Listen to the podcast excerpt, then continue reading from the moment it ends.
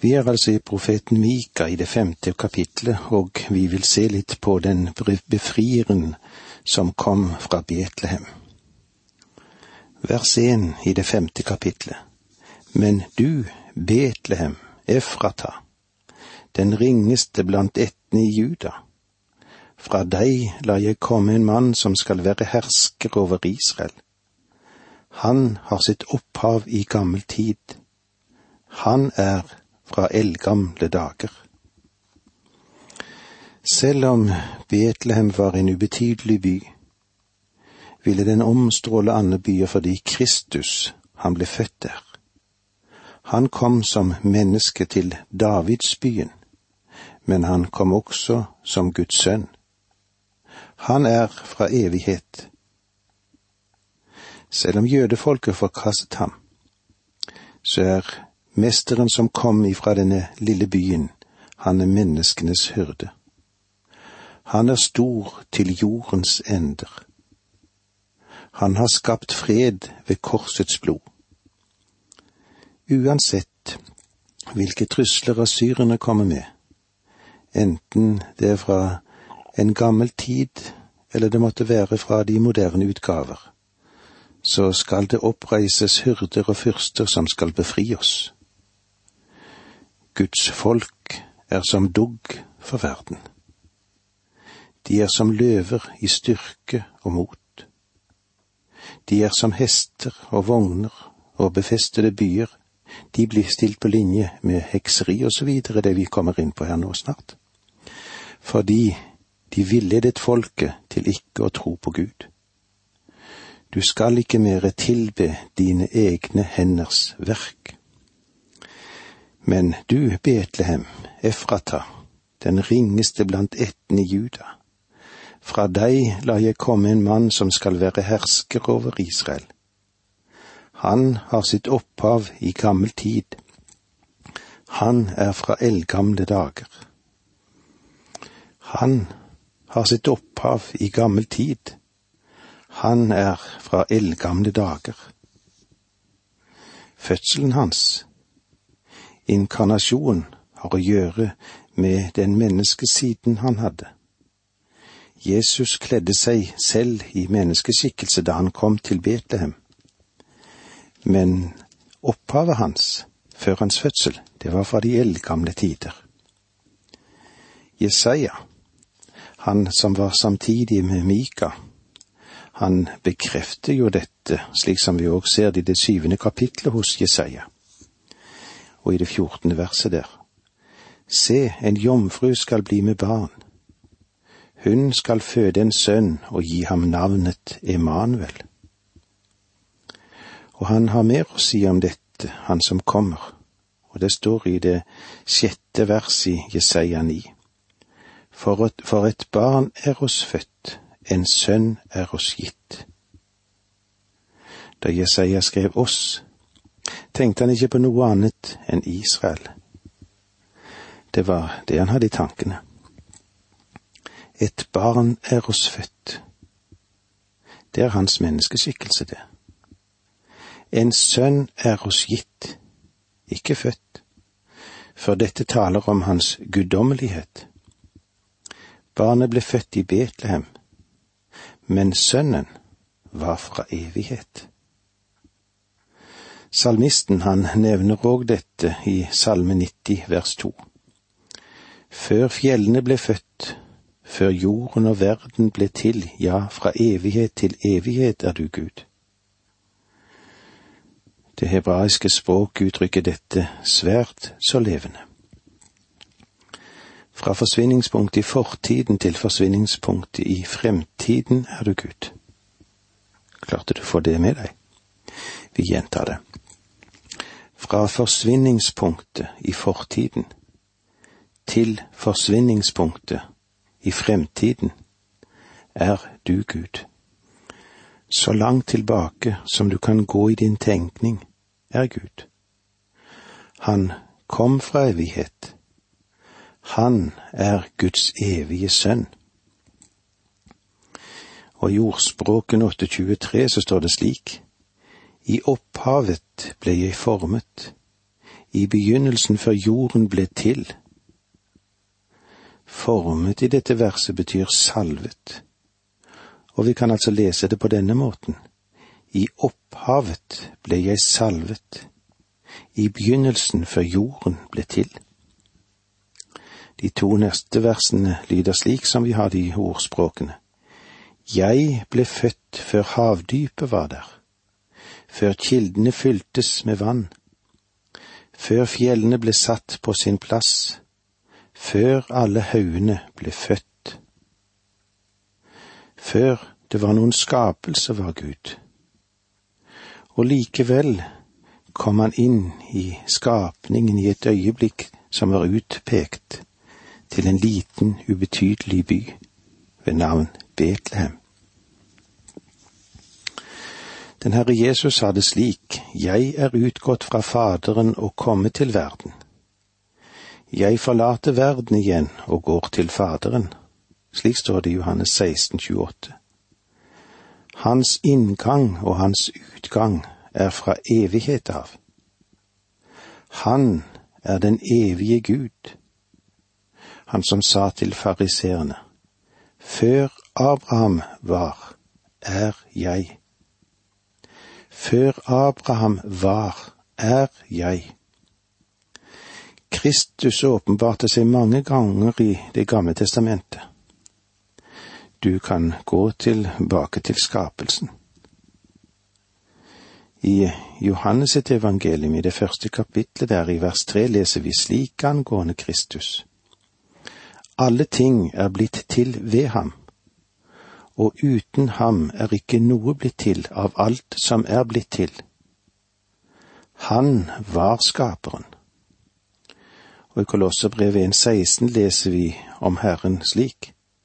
For i ham er alt blitt skapt, i himmelen og på jorden det synlige og usynlige, de som troner og de som hersker, på makter og myndigheter. Alt er skapt ved ham og til ham. I Edens hage var han Herren Guds stemme som vandret i haven der på den svale dagen. Han var Guds uttrykke. Han var Guds ord. Han var kommunikasjon fra Gud til mennesket. Vi merker ham i aktivitet der han kaller på mennesket gjennom hele Det gamle testamentet. Han åpenbarte seg for Moses i den brennende busken. Han sa, Jeg er kommet for å fri dere. Han var forløseren. Du skjønner at det Mika sier her er av veldig stor betydning. Selv om han ble født i Betlehem for omkring 2000 år siden, så kommer han fra før dagenes tid. Han kom fra det evige. Vi har nå sett litt på hans reinkarnasjon, det vil si før han tok på seg menneskeskikkelsen. La oss nå se igjen på hans inkarnasjon det at han ble menneske. Da Gud kom til Betlehem, fikk han det navn han aldri hadde hatt tidligere, og det var navnet Jesus. Han tok på seg en menneskelig skikkelse, og Jesus var hans menneskenavn. Han var Javé. Det er Guds navn. Han er nå Jesus, og han er en frelser. Han kom for, fra Betlehem for å frelse. Husk at englene sa til hyrden, I dag er det født dere en frelser i Davids by. Han er Kristus Herren. Slik står det i Lukas 2,11. Og i Matteus 1, 23 sies det slik.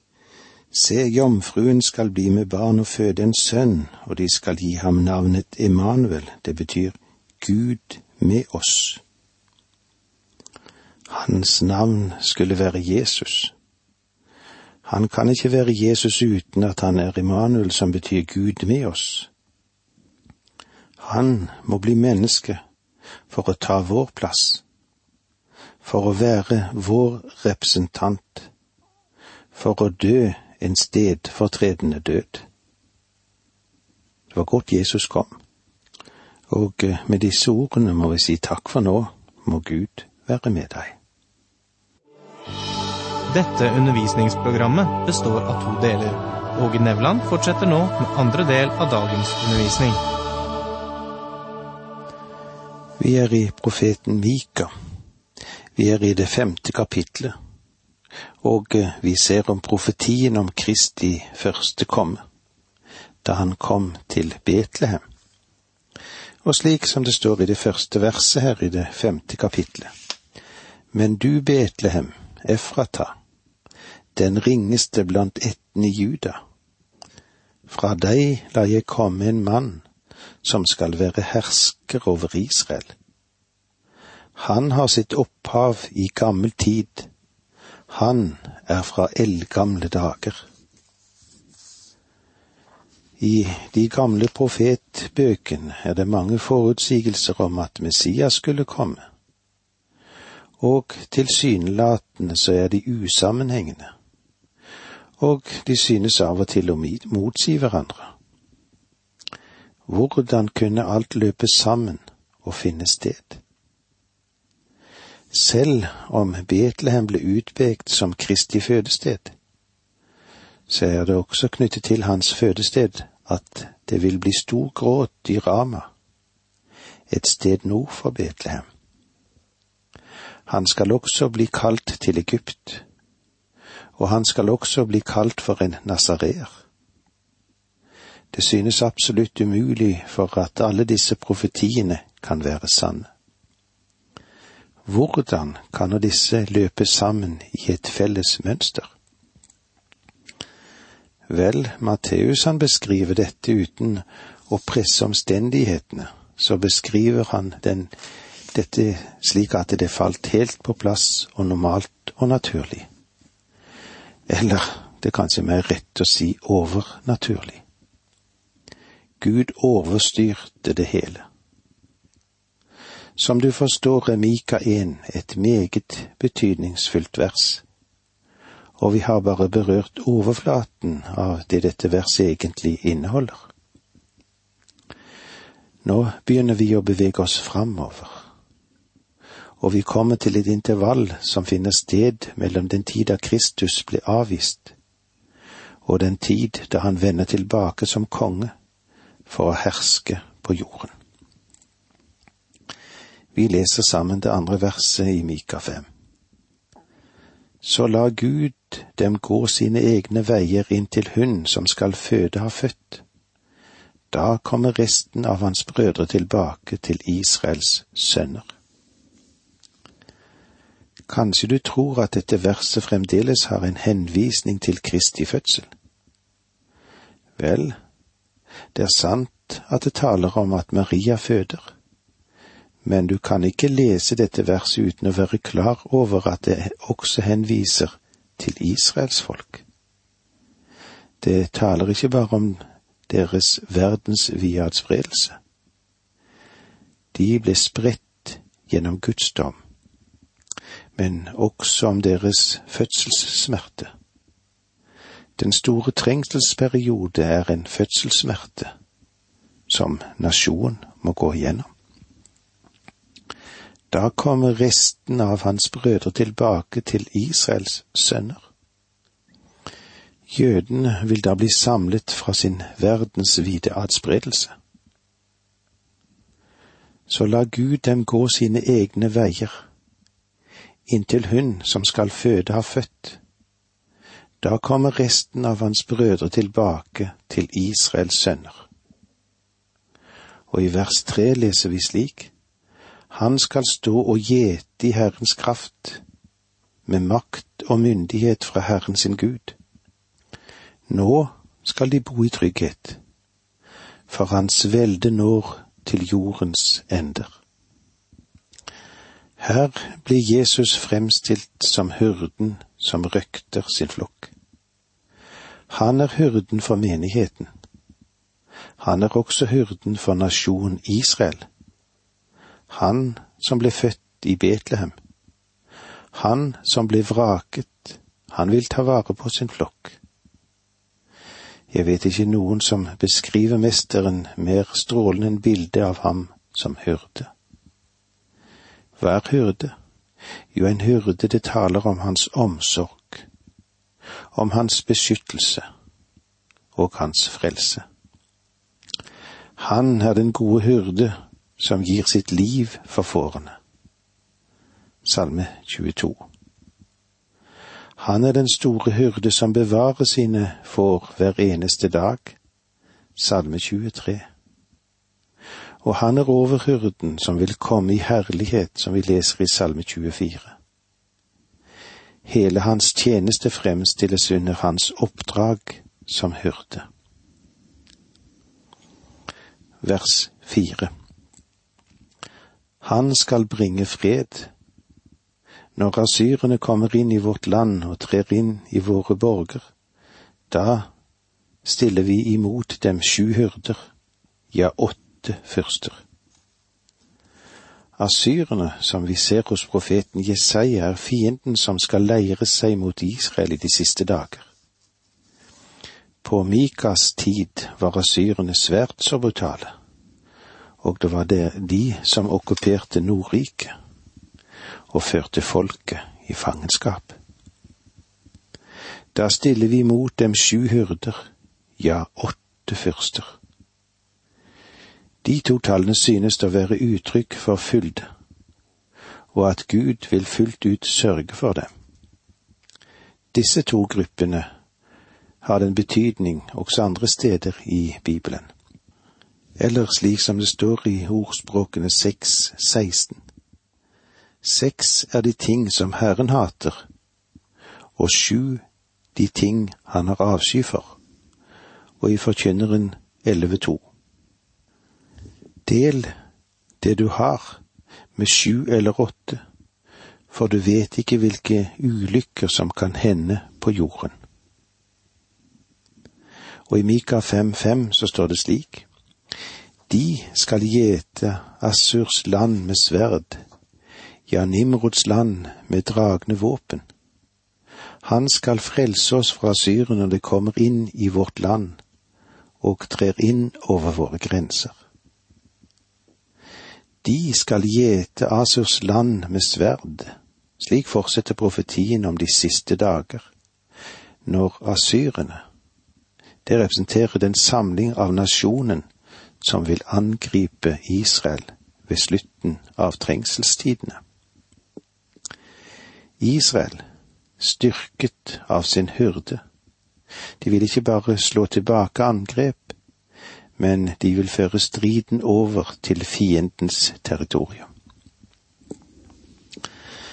Det er interessant hvordan Mika gir oss et fullstendig bilde av Kristus. Først som den som ble født i Betlehem. Da han ble født til jorden, kom han i ydmykhet. Vi må legge merke til at han ydmyket seg selv. Er det slik som det står i Filippenserbrevet 2, 5-8? Vis det samme sinnelag som Kristus Jesus. Han var i Guds skikkelse, men han så det ikke som et røvet gode å være Gud lik han ga avkall på sitt eget, tok på seg en tjenerskikkelse og var menneskelik. I sin ferd var han som et menneske. Han fornedret seg selv og ble lydig til døden, ja, korsets død. Slik er Jesus. Vi liker ikke å bøye oss eller ydmyke oss. Av og til er det så at andre mennesker, de ydmyker oss. Men Kristus, han ydmyket seg selv. Han uttømte seg selv. Hva tømte han for seg selv? Ikke sin guddom. Tenk deg dette lille barnet som ligger så hjelpeløst ved sin mors bryst. Hva kunne det ha gjort? Jo, ved et lite ord så kunne det ha løftet universet av sine hengsler. Det var dette lille barnet som kom. Han er fra Gud og av Gud, og menneske av menneske. Han begrenset seg selv. Og denne selvbegrensningen tok han frivillig og villig. Vi er ikke villige til å begrense oss selv, er vi det? Faktisk så ønsker vi å vokse. Vi kan være pågående. Kanskje vi ønsker å vinne. Vi ønsker å være på toppen. Mennesket i seg selv har klatresamfunnet i seg. Mennesket er selvsentrert. Men Jesus Kristus, han er hyrden. Han ble ikke født i en kongeby eller et hovedsted, men i den ubetydelige husklyngen i Betlehem og i en stall. Det var ikke noen proper fødsel som fant sted for denne kongen. Da Kristus kom til jord, så uttømte han seg selv for sin herlighet. For det andre så antyder Mika at han var fra evighet av. Han har sitt opphav i gammel tid, fra eldgamle dager. For det tredje beskriver Mika ham som hyrden som kom for å dø for sine sauer og våke over sine egne. Og til sist, når han kommer igjen, skal han være overhyrden, den som kommer i makt og herlighet for å fri sitt folk. Og med disse ordene må vi si takk for nå. Må Gud være med deg.